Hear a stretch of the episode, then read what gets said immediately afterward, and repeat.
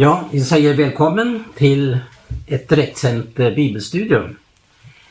Jag har annonserat ett ämne, eh, Andens eh, förnyande och skapande kraft.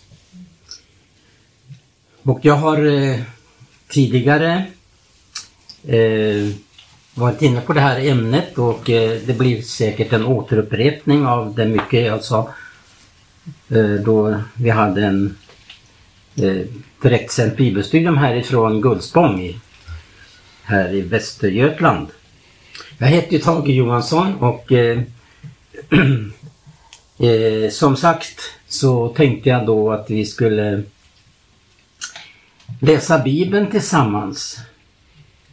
Fast egentligen så upplever jag det väldigt angeläget att eh, eh det här eh, undervisningen får bli en uppmaning till eh, det som eh, vi förstår den heliga Ande vill utföra i den här tid som vi lever.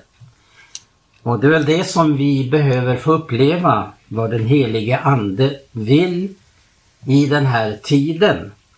Med tanke på eh, vad som vi har i undervisningen i Nya Testamentet om eh, Dels var och en som enskild som är kallad att eh, vara ett tempel. Vår kropp är ett tempel åt den helige Ande och församlingen som är ett Guds tempel här i tiden där han vill bo och uppenbara sig. Det här med den heliga Andes förnyande och skapande kraft. Det finner vi ju rikt undervisat i hela Bibeln. Hur Guds ande har verkat genom olika tider. Och eh, det är oerhört att tänka sig att Gud har förordnat det så att eh, den tredje personen i gudomen är den som eh, ska få det hela och fulla inflytandet både över oss som enskilda och som Guds levande församling. För att eh, förstå verkligen vad eh, anden vill utföra så måste man ju gå till det som var från begynnelsen. Det är ett uttryck som vi ofta återkommer till och eh, det är naturligtvis eh, finns en stor anledning till det. Det som var från begynnelsen. Och då får vi gå förbi alla de eh, tider som har eh, timat efter apostlarnas tid. Därför att eh, det handlar om att eh, apostlarna efterlämnade en förebild för församlingen och eh, hur den helige ande verkar. Det är ju det som är helt avgörande att vi ska få uppleva eh, den helige ande i det som Gud vill utföra. Och jag tror jag citerade förra gången när jag var inne på det här ämnet om hur eh, skapelsen kom till. Och det var ju det här att Gud sa och att det blev någonting. Och det berodde på att den helige Ande var med i skapelsens begynnelse så att anden verkställde det Gud sa. Gud sa och det blev. Då det är den heliga Andes arbete här i tiden, här på jorden, så är det ju så här att eh, den följer då ett, eh, ett mönster som återkommer och som stundom har blivit upprättad till en viss del. Kanske inte på det sätt som eh, apostlarna efterlämnade med tanke på mönsterbild och eh, vad den heliga Andes verk hade för betydelse bland eh, de troende. Den heliga Ande är ju den som är den som skapar någonting. Om vi tar det här från början i en människas liv så handlar det om att hon för det första blir född av anden. Hon är med om en ny födelse. Och det är ju stort och underbart. Men som jag läste en bok häromdagen så en eh, mycket känd gudsman eh, Oswald Smith som också har givit ut en del böcker skriver det stora tragiska i under många tider har varit det här att man upplever en pånyttfödelse men kommer inte just längre än det. Och det kan bero på flera orsaker. För det första är det frågan om ett, ett helt överlämnande åt Gud. För utan ett överlämnande kan man aldrig få uppleva eh, att den heliga ande får bli den som har initiativet, som är den som härskar och regerar i våra liv. Om vi ger medgivande till det vill sägas. Ja, det är ju så att man nöjer sig med en pånyttfödelse och man kanske gör vissa upplevelser. Man blir döpt i den helige Ande och eh, blir en tungomålstalare. Men det stora och viktiga här det är att bli föremål för den helige Andes gärningar som apostlarna fick vara med och uppleva. Vi har då en eh, eh, gedigen undervisning i det som beskrivs av de första lärjungarna. Hur de blev uttagna av Jesus för att eh, de skulle viga sina liv för att Gud genom anden skulle utföra dessa gärningar som sedan kom att ske genom apostlarna. Och då finns det flera punkter som eh, vi ser var nödvändigt för apostlarna att få uppleva. För det första handlar det om att eh, man blev kallad. Var och en fick en personlig kallelse av Jesus. Att eh, viga sina liv för den plan som Gud hade och som eh, blev möjlig genom att Jesus kom först och öppnade vägen för lärjungarna. I det att han blev eh, den som fick eh, synliggöra efterföljelse och göra Guds gärningar i tiden. Det blev en kallelse som innebar ett fullständigt uppbrott. Och det här uppbrottet det var så djupgående att Hela deras tidigare liv, det ställdes på huvudet. Om jag säger så. Det, det var nog någonting som eh, de fick eh, säga adjö till. Därför att de skulle få bli föremål för vad Guds rike är i tiden. Och som någon har sagt att den dagen de hörde kallelsen komma till dem och de tog det första steget så begynte de att, en, började de att begynna en vandring där det handlar om vad Guds rike var för någonting. Och därför säger Jesus ju på ett ställe att eh, de som skulle följa honom skulle söka Guds rike först så skulle allt det andra tillfalla. Det var ju naturligtvis ett stort trosteg. Men det kostade ju allt för dem det här och därför var det faktiskt inte många som bejakade den kallelsen. Stora skaror följde Jesus men Jesus vänder sig om och säger att om någon ska följa mig så finns det de här villkoren. Det handlade om relationer till närmaste, till ägodelar till, och framförallt till sitt eget liv. Att det egna livet det skulle som vetekornet bäddas ner och eh, uppleva att gå in i en annan värld än den värld som de hade levt i till dess att de fick möta kallelsen av Jesus. De lämnade en värld för att gå in i en annan värld.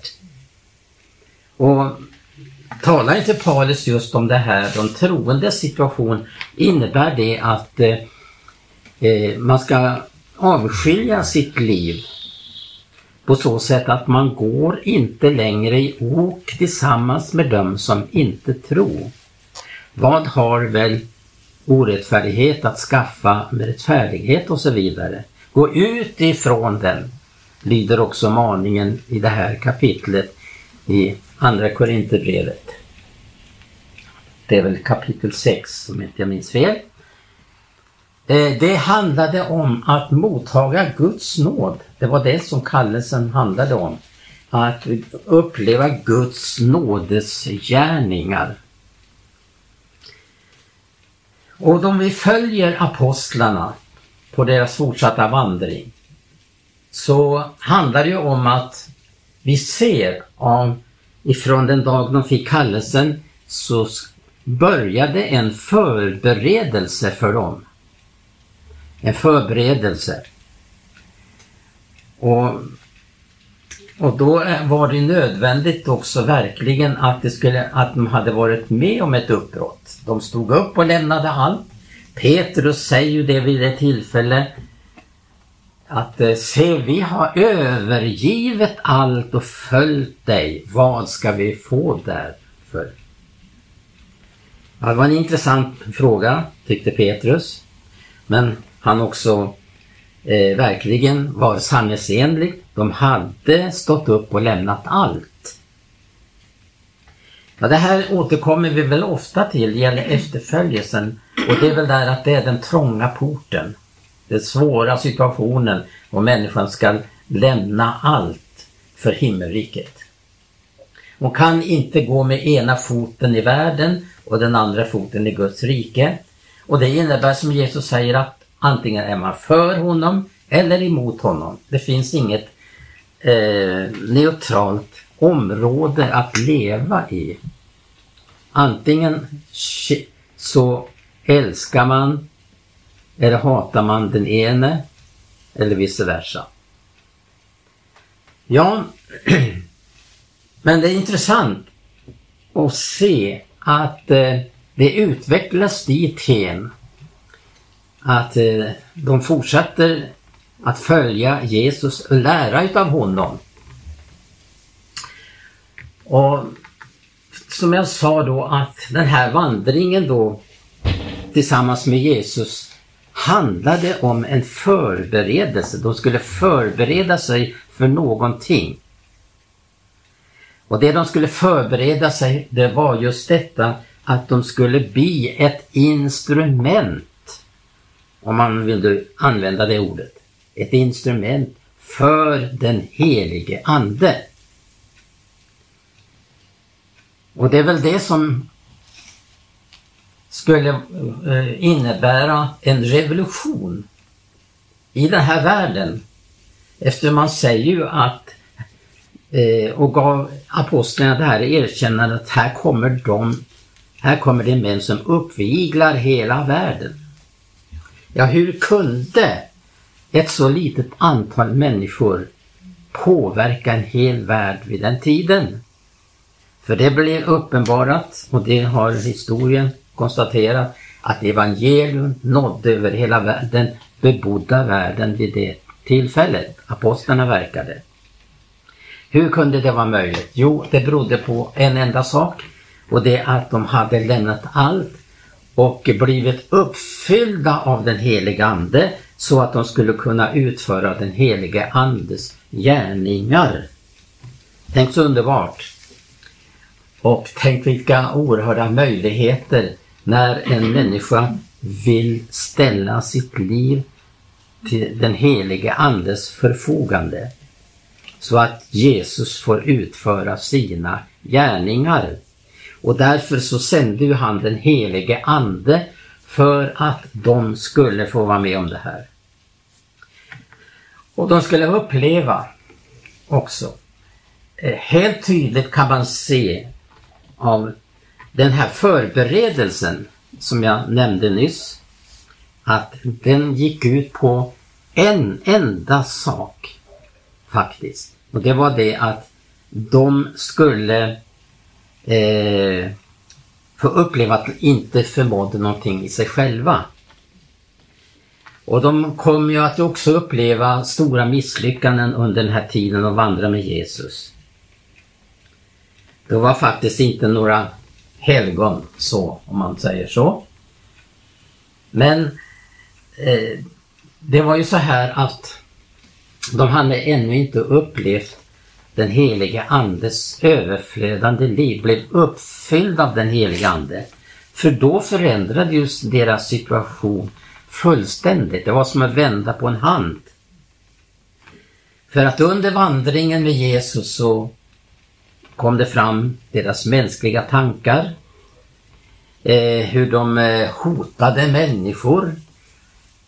Då de inte tog emot Jesus så ville de kalla ner eld över människorna men Jesus tillrättavisade dem. De gjorde bara den ena tabben efter den andra. Men Jesus eh, han visste vad som skulle hända med dem när de skulle bli uppfyllda av den helige Ande. Och då skulle de inte längre eh, vara upptagna av sig själva. De resonerar ju till exempel vid tillfälle att eh, vem är störst utav oss? Och då undervisar Jesus dem att den som är störst, ja det är den som är minst. Den som är allas tjänare är störst. Han vände på deras tankar. Och eh, sa inte Jesus vid ett tillfälle till Petrus att när han ville hindra Jesus för att gå korsets väg. Ingalunda ska väl det här vederfaras dig. Bevara dig Herre. Men då säger ju Jesus så här till Petrus att Gå bort Satan, för dina tankar är inte Guds tankar, det är människotankar. Ja, det var en skola verkligen att få vandra med Jesus. Och de fick ju framför allt lyssna till en undervisning som de sedan skulle iscensätta. Som skulle bli ett med deras liv. En undervisning som eh, blev synliggjort och uppenbarat genom deras sätt att leva och verka. Men det som är intressant här det är ju att eh, de får ju erfara att eh, Gud måste fullständigt bryta ner dem. Allt det som eh, stod i vägen för den helige Ande. Och att de framförallt fick uppleva det här att Eh, ju längre de vandrade med Jesus, ju mindre förmådde de egentligen. Till sist att de övergav honom till och med i en svår situation. Alla övergav hon, det honom. Ja, så är människan. Men det skulle komma en annan situation en dag. Och det var ju det att dessa som Jesus hade tagit ut var vid eh, det här tillfället som eh, var så avgörande när pingstdagen var inne att alla blev uppfyllda av den helige Ande. Alla! Alla blev uppfyllda av den helige Ande. Och därmed så fick eh, de uppleva att det Gud skulle göra, det skulle icke ske genom en människas styrka och kraft, utan genom den helige Ande. Ja, det här som jag nu har talat, det säkert känner vi till så väl. Vi känner till det så väl. Men vad jag vill komma till, det är en uppmaning till dig. Och då handlar det om för var och en och uppleva verkligen en kallelse, personlig kallelse. För att eh, det som är stort med den heliga Andes verk är ju det att den upprättar och vill upprätta en boning, en plats där Gud vill uppenbara sig och verka och bo. Han vill bo ibland sitt folk. Han vill bo, bo bland ett heligt och avskilt folk. Gud kan icke ha sin umgängelse med det som eh, Eh, har eh, upplevt att man inte har gjort upp med det som inte behagar Gud. Det är väldigt, väldigt viktigt att det verkligen blir en gräns uppdragen där. Men för att eh, återgå till den här situationen att eh, de upplever att allting har gått i krasch. De är fullständigt uttömda.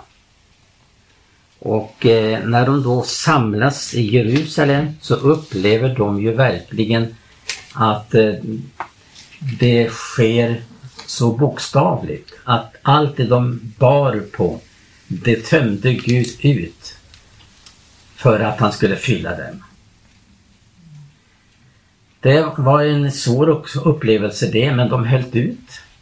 Eh, det var tio dagar som de var i bön innan anden föll. Då var det tomma kärl som blev fyllda ära vare Gud, så att det flödade över. Och att de genast omedelbart fick uppleva den helige Andes verkningar. Det är ju så att den helige Ande verkar på sådant sätt att det blir, skapas atmosfär, det skapas eh, eh, en överbevisande kraft till människor som kallas att ta ställning. Att förkasta eller ta emot. Uppleva eh, att man är en stor syndare som behöver nåd. Och anden åstadkommer ju detta i människors liv så att de ropar eh, eh, Vad ska vi göra för att bli frälsta? Men jag vill ta upp det här nu som jag nyss nämnde att det är väldigt viktigt att förstå kallelsen i vår tid. Och hur Gud kallar var och en personligen. Och för att uppleva det här att eh, eh, vad den heliga Ande vill i den tid vi lever i att han vill återförena eh, det som eh, har eh, gjort upp i sitt liv och vill uppleva att man får komma in i de gärningar som Gud har tänkt för den här tiden. Eh, man, man, kan ju uppleva tydligt i ordets undervisning från Bibeln att det finns ju ett förspel. Eller en, vad ska jag säga, ja en förberedelse som den heliga Ande utför när den tiden är inne. Och eh, jag har kämpat med det här den sista tiden att tiden är inne för oss att uppleva den här kallelsen på nytt. Så att vi, vi blir infogade, sammansmälta i en gemenskap som den helige Ande kan åstadkomma. Det går aldrig att åstadkomma det här på mänskligt sätt. Utan det handlar om verkligen att man blir av Gud insatt i ett andligt sammanhang. Det var ju så församlingen upprättades under apostlarnas tid. Ära vare Gud. Eh, det apostlarna utförde, det var ju ingenting annat än att fullfölja vad den heliga Ande ledde till. Hur eh, apostlarna fick vara med om att eh, genom sin verksamhet få se hur Gud tog ut människor för att sedan också sammanföra dem.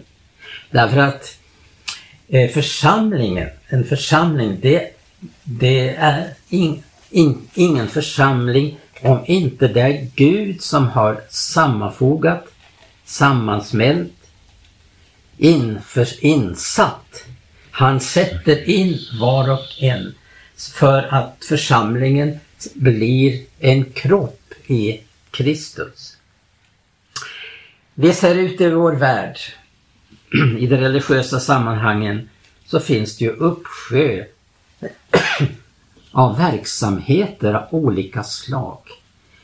Ja, det är så många så att eh, man blir häpen över hur mycket människor kan åstadkomma. Men i allt det här så tror jag och upplevt det att Gud vill i den här tiden upprätta församlingen och gå till, han går till väga på samma sätt som han gjorde under apostlarnas tid. Man tackar ju Gud för alla väckelser som har gått över vår värld. Men Gud har ju den här tanken om vår tid att han vill återupprätta den apostoliska församlingen. Det är många, många gånger vi har berört det här men och det måste återupprepas. Och det måste bli så här att eh, eh människor drabbas av en kallelse. De kallas inte in till att eh, utöva någon religiös verksamhet utan det handlar om att det blir som Petrus undervisar om, man blir en levande sten som låter sig infogas så att församlingen blir ett andligt tempel i Herren. Vi kan se tillbaka. Kanske du har också den erfarenheten att mycket har inte kunnat genomförts. Men Gud begynner om igen. Ära vare Gud. Han begynner om igen. För när kärlet gick sönder så begynte han om igen. Det var vad Jeremia blev undervisad om av Gud när han sa till Jeremia att han skulle gå till krukmakaren och se hur han arbetar. Gud arbetar, ära vare Gud. Och detta med församlingsupprättelse i vår tid, det, det är någonting som drabbas en människa. Och hon blir kallad till det här. Och det är inte någon mänsklig organisation som byggs upp på det viset. Utan det handlar om där församlingen blir en levande mekanism eller ett, ett organ Alltså, vi ser ju tydligt det här på pingstdagen att där, där var församlingen samlade. Man menar kanske att församlingen föddes på pingstdagen. Jag kan kanske ha, jag har den uppfattningen att församlingen fanns redan men att det var på pingstdagen som församlingen började komma i funktion. Att det var på pingstdagen som församlingen blev instrument för den helige Ande. Och det, om inte jag har fel så står det faktiskt i grundtexten eller någon översättning att de blev ett ackord på pingstdagen. De var ett ackord. Och det var den heliga Andes verk. Det går aldrig att föra fram det här upp eh, på mänsklig väg utan det måste bli den helige Andes verk till detta. Det här är oerhört spännande och vi kanske kan få uppleva en väldigt dramatisk tid nu och få uppleva det här att eh, det, att det, det kan bli väldiga dramatiska händelser i en människas liv när Gud tar ut en människa. Och det var ju det apostlarna fick uppleva också. De fick lämna båten, näten, sin fader, sina andra anhöriga, vad de hade för handen, vad de sysslade med, därför att någonting annat väntade på skulle ske. När jag läser i eh, i Hesekiel, eller jag tittade på eh, bara rubriker i Hesekiel Alltså, det finns ju rubriker till varje kapitel. Men faktum är där att när jag ser så kan jag mycket väl jämföra eh, vad som står som rubriker på de här olika kapitlen ifrån eh, vi kan till exempel läsa från 37, vers, kapitel 37 i Hesekiel. Och jag ska bara Eh, på, eh, påminna om vad som står som en rubrik för kapitlet. I 37 så börjar därför att det här hör ihop, de här händelserna som Hesekiel får vara med om och se. Och där i 37 står det om de förtorkade benen som får liv. Det är en begynnelse. Det är en begynnelse till någonting. Och eh, står det inte så här i den 21 versen i det kapitlet. Se, jag skall hämta Israels barn ut från det folk vilka de hava måste vandra bort. Jag ska samla dem tillhopa från alla håll och föra dem in i deras land. När man läser om eh, Guds gärningar så ser man att det finns eh, framställt olika sidor av församlingen genom att det handlar om ett folk som Gud tog ut. Det handlar om ett landområde som de skulle få inta. De blev kallade till att inta. Och eh, de, det handlade om att de skulle eh, Gud ville fästa sitt namn vid Jerusalem, staden. Alltså det här med folket, landet, staden och templet. Det är fyra sidor utav församlingen. Templet, då handlar det om vår gudsrelation som Guds folk ska ha till Gud templet, staden. Det handlar om den förordning som Gud har för församlingen, för sitt folk. Ära vare Gud. Och då tänker man på vad Jesus undervisar om det här med församlingen, att den ska vara en stad på berget. En stad på berget. Alltså den är byggd på ordet. Grund. Församlingen ska vara byggd på ordets grund. Det ska vara en stad som ger vittnesbörd. Den ska lysa vida omkring och vara ett eh, att återge Guds rike, återge gudsbilden. Folket ska återge gudsbilden. Men om vi fortsätter så kommer vi till här att eh, Gud, eh, Gogs herrars tåg och i 39 eh, Gogs undergång. Det är väl så att vandringen på Guds väg handlar om att någonting måste dö bort, någonting måste, det måste ske en uppgörelse. Och det blir en undergång för det gamla livet. Den har inte plats i Guds rike. För Jesus, den som älskar sitt liv, han ska mista det. Någonting måste för, för, föras, tas bort ur vägen. För att sen kommer vi till den här rubriken i 40 kapitlet, det nya templet, dess yttre portar och förgårdar.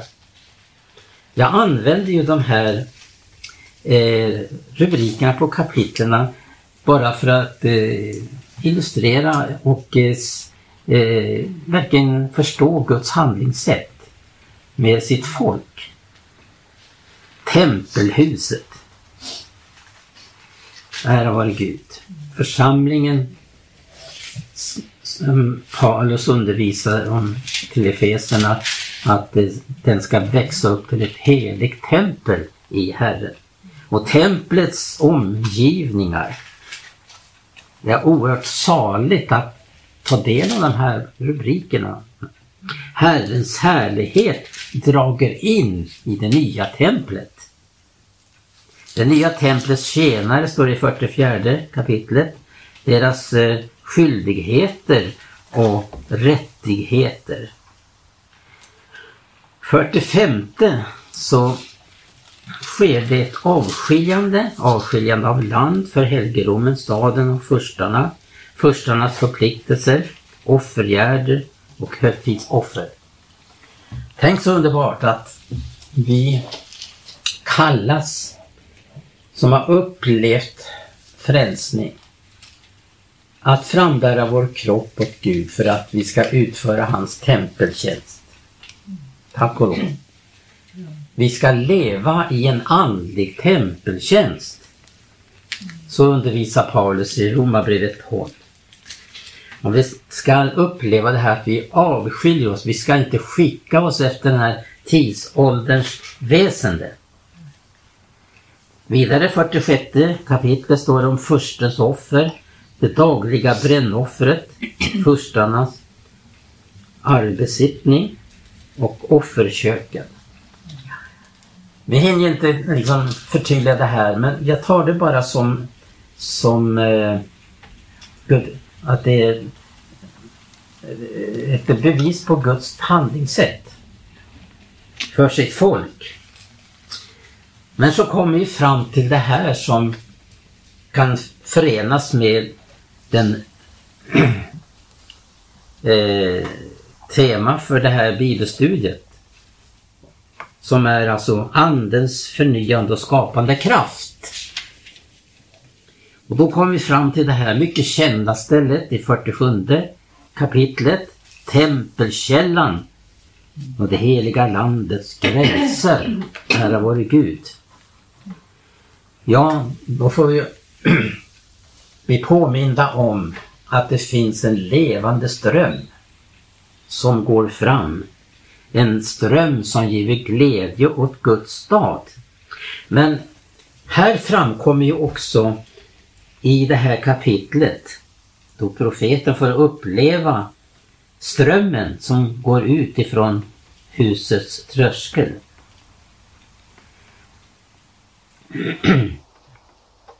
Och eh, han får ta del utav den här levande strömmen som kom att omfatta eh, bit för bit av hans liv till dess att han lever helt i denna eh, livsströmselement.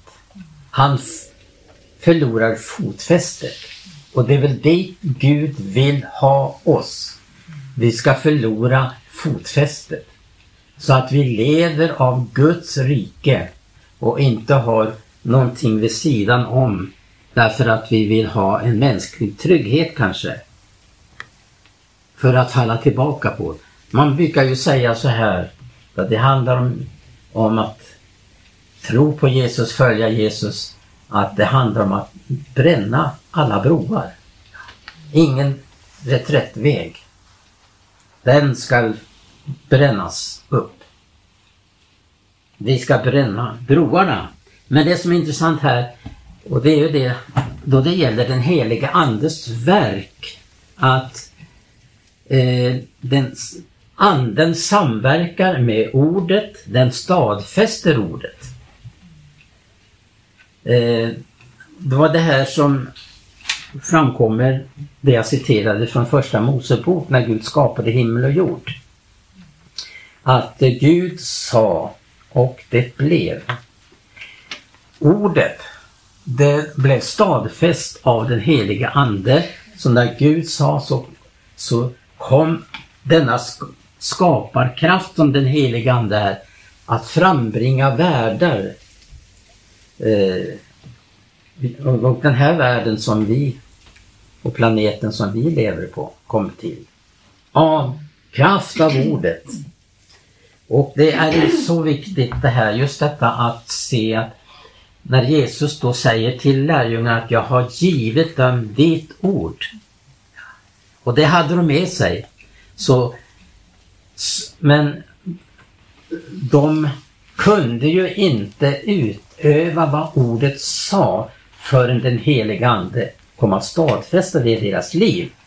Så det ord de hade fått mottaget, det blev omsatt i, i handling på det viset att den heliga Ande kom över dem, uppfyllde dem. Så att det de gjorde, det gjorde de i den helige Andes kraft. Och det står ju så underbart i sista kapitlet i Markus att de gick ut och predikade och Gud stadfäste ordet genom åtföljande tecken under. Gud stadfäste. Anden stadfäster inte människors idéer och eh, metoder eller tankar utan eh, det handlar om att, att eh, man är befäst i Guds ord. Ära vare Gud. Vi behöver Guds ord, verkligen, för att vi ska veta vad, vad det är som den heliga Ande vill stadfästa så att Guds gärningar blir gjorda genom oss. Och Det framkommer här att när profeten får uppleva att han ska komma vidare i den här strömmen så mäter mannen med metsnöret ut tusen alnar. Och det här är ju någonting underbart. Gud går till väga så att han, möt, han mäter upp genom ordets undervisning det vi kan ta emot i överensstämmelse hur långt vi har kommit på trons väg. Så mäter Gud ut tusen alnar. Och är det så att vi är villiga att gå den och eh, eh, är med på det som Gud vill göra så kommer vi att uppleva att det är nästa skeende som mäter Gud ut tusen alnar till. Det här med mätsnöret, det är ju ordet. Gud ger undervisning i ordet. Halleluja och den heliga Ande stadfäster. Det blir ett ny upplevelse av den heliga Ande utifrån det som den har, mannen med medsnöret har mätt ut åt oss.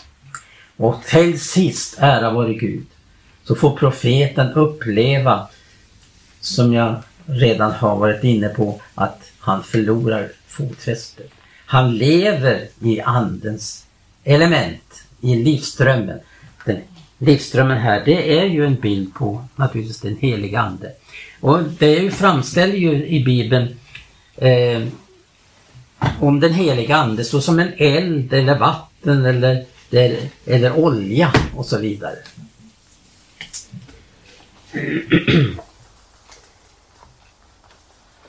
När eh, då profeten har kommit dit hen att han förlorar fotfästet, då handlar det om att då är han helt eh, i kontroll av den helige Ande.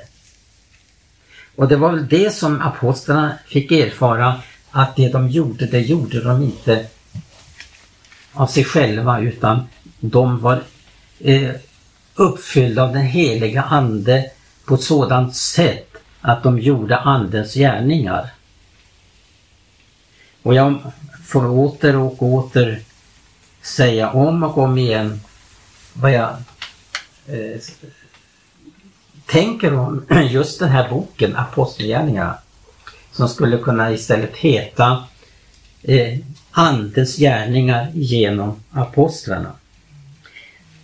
Det finns ju ett uttryck där i Apostlagärningarna som jag också nämnt tidigare som jag gjorde förra gången när jag var inne på det här med den heliga Andes verk. Då handlar det om Andens ämbete. Att Anden har ett ämbete som den eh, verkar genom och utför. Den heliga Andes uppgift, hjälparen. Det är ju så fantastiskt underbart ord på Anden. Den är vår hjälpare. Dessa hjälplösa apostlar, eller förpingstligt tillstånd, så upplevde de sin hjälplöshet. Tänk att allt det de fick vara med före pingsten handlade om att de skulle få lära sig att de ingenting kunde göra. ja, det var, det var en märklig eh, lärdom. Det, det var den skola de fick gå i. Att de blev fråntagna allt det som människan tänker och representerar. Kär Gud. För Guds tankar, de är mycket högre än människors tankar. Och Guds rike representerar någonting helt annat än vad denna världen representerar.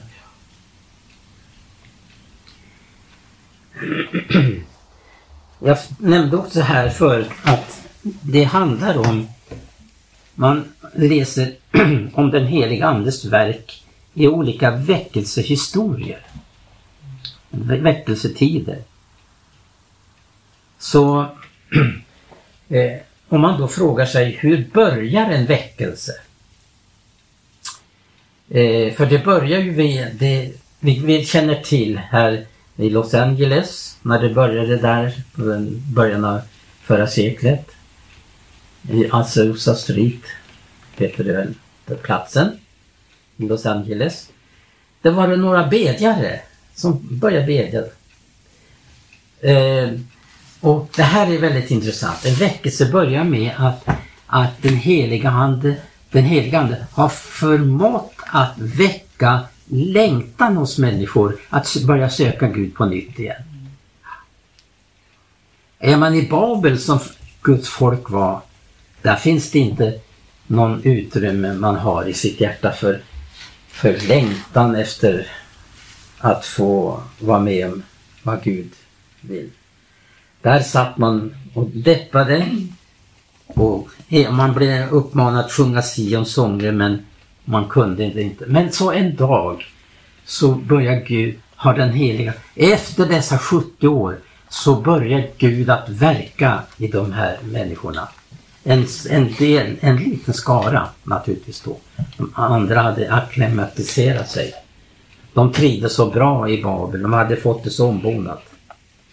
Och där har vi ju också den stora frågan för man vill inte överge sin bekvämlighet.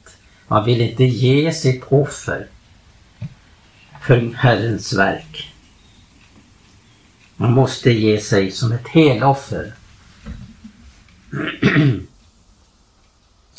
Det börjar med att när det har varit torketider en tid så händer det att att eh, den heliga Ande under den här torketiden har eh, eh, fått verka fram i människors fördolda värld. Eh, mognat fram att man börjar söka Gud igen på nytt. Alltså. Och den uppmanas ju att hur människor och att man ska söka Gud. Psalmisten han var så angelägen att bittertida söker jag dig. Det var ständigt någonting som han återkom till, att söka Herren. Men så glömmer Guds folk bort detta. Eh, relationerna med Gud är bruten. Man har förlorat att vara ett Guds folk. Men efter en sån period så har den heliga Ande trots allt verkat fram en förberedelse i människors hjärtan till att börja mottaga någonting. Och så börjar Gud att tala. Och så börjar man på nytt eh, uppleva att man vill gå in i Guds gärningar. Så lär historien gång på gång. Men det är också intressant att eh, se det här att under varje väckelse som den här världen har upplevt så har, har eh, varje väckelse fört fram en sida av det som fanns under apostlarnas tid. Det är intressant. Vi satt här en dag och pratade om just detta med gamla väckelserörelser. Det tänker jag från 1600-talet, den pietistiska väckelsen. Och vad det ordet betyder. Det betyder ju eh, noggrannhet eller vördnad för Guds lag och, och eh, att eh, verkligen eh, vara noggrann. Eh, och, och, som Petrus upptäckte att man ska vinnlägga sig om att i sin tro bevisa dygd. Så den väckelsen förde fram den sidan av noggrannhet, om gudsfruktan. Eh, eh, Andra väckelser har förts fram en sida, men det är ju då, när man är inne på det här, då är det väldigt viktigt att tänka på det här att det blev snart en, en, en eh, mänsklig organisation, en, en tradition som levde vidare under ett visst namn. Eh, vi har metodisterna. Den betonade just det här eh, som också Guds ord lär om att eh, man ska gå metodiskt tillväga. Man eh, satsar inte på måfå utan eh, man utför sitt, sin gärning med noggrannhet och metodiskt. Och det var ju en underbar väckelse på den tiden då. Som varade en viss tid. Men sen blev det bara en, en verksamhetstradition av det hela. Vidare av Frälsningsarmén. Där betonas ju den här sidan att gå ut. Och det var ju precis det som var Frälsningsarméns styrka. Man gick ut till människorna. Man gick ut på krogarna och predikade. Man gick eh, i slummen. Man tågade genom gatorna i London och proklamerade Jesu uppståndelsekraft. Och det är väl inte förutan att eh, man upplever hur den heliga Ande verkade trots allt att de i många andra ting inte hade det klart när det gäller bibliska ting som dop, eh, troendedop och, och så vidare. Man hade inte nattvård, man hade inte... Men det var, man, satt, man tryckte på det här att vara en armé, frälsningsarmé. Att gå ut till människorna. Men det var en eld som brann i deras hjärtan. Och det är så har det alltid varit. När Guds eld kommer att eh, bli uppenbarat i människors liv. Då händer det saker och ting. För att eh, William Booth, som då var förgrundsfigur till Frälsningsarmén, det var inte förutan att han skrev en sång som lyder så här. O Gud du klara, rena låga, sänd din eld, sänd din eld. Och ge David dig anropa våga, sänd din eld. Se ner till oss och giv oss här din ande som utlovad är. Och ännet pingsten oss beskär, sänd din eld, sänd din eld. Ja, under väckelsetider så har man ju också verkligen med inlevelse och hjärta sken sjungit de här sångerna som handlar om den heliga Andes verk. Det finns en sång där man sjunger så här i kör. Han löftet höll och anden över alla föll. Som höll och ut i endräkt, endräkt skön och bidade i tro och bön. Ära vare Gud. Och man hade en oerhörd djup längtan i det här att man, man sjöng på det här viset. Herre Jesus kom och döp oss med din andes kraft och glöd så att vi upp vi kunna väcka den som dött en andlig död. Låt din andes ljus få skingra töcken som vår blick har skymt. Kom ibland oss nu och vidga våra hjärtan som förkrympt. Så giv oss nu en glödhet frälsning som förtär allt eget jag. Sänd oss nu den helga elden. Herre döp oss just idag.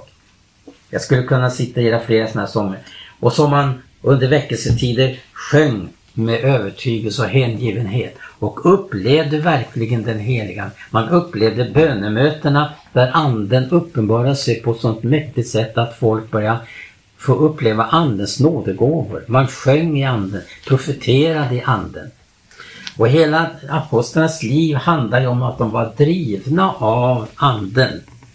De var inte bara uppfyllda av anden, de lät sig drivas utav anden. Ja, det var några tankar just om detta och jag vill understryka just detta. Det är, nog, det är nu väldigt angeläget att du uppmärksammar vad Gud vill göra i den här tiden. Att du upplever att du kallas och att bryta upp och att ge allt för Herren Jesus och hans sak. I Jesu namn. Amen.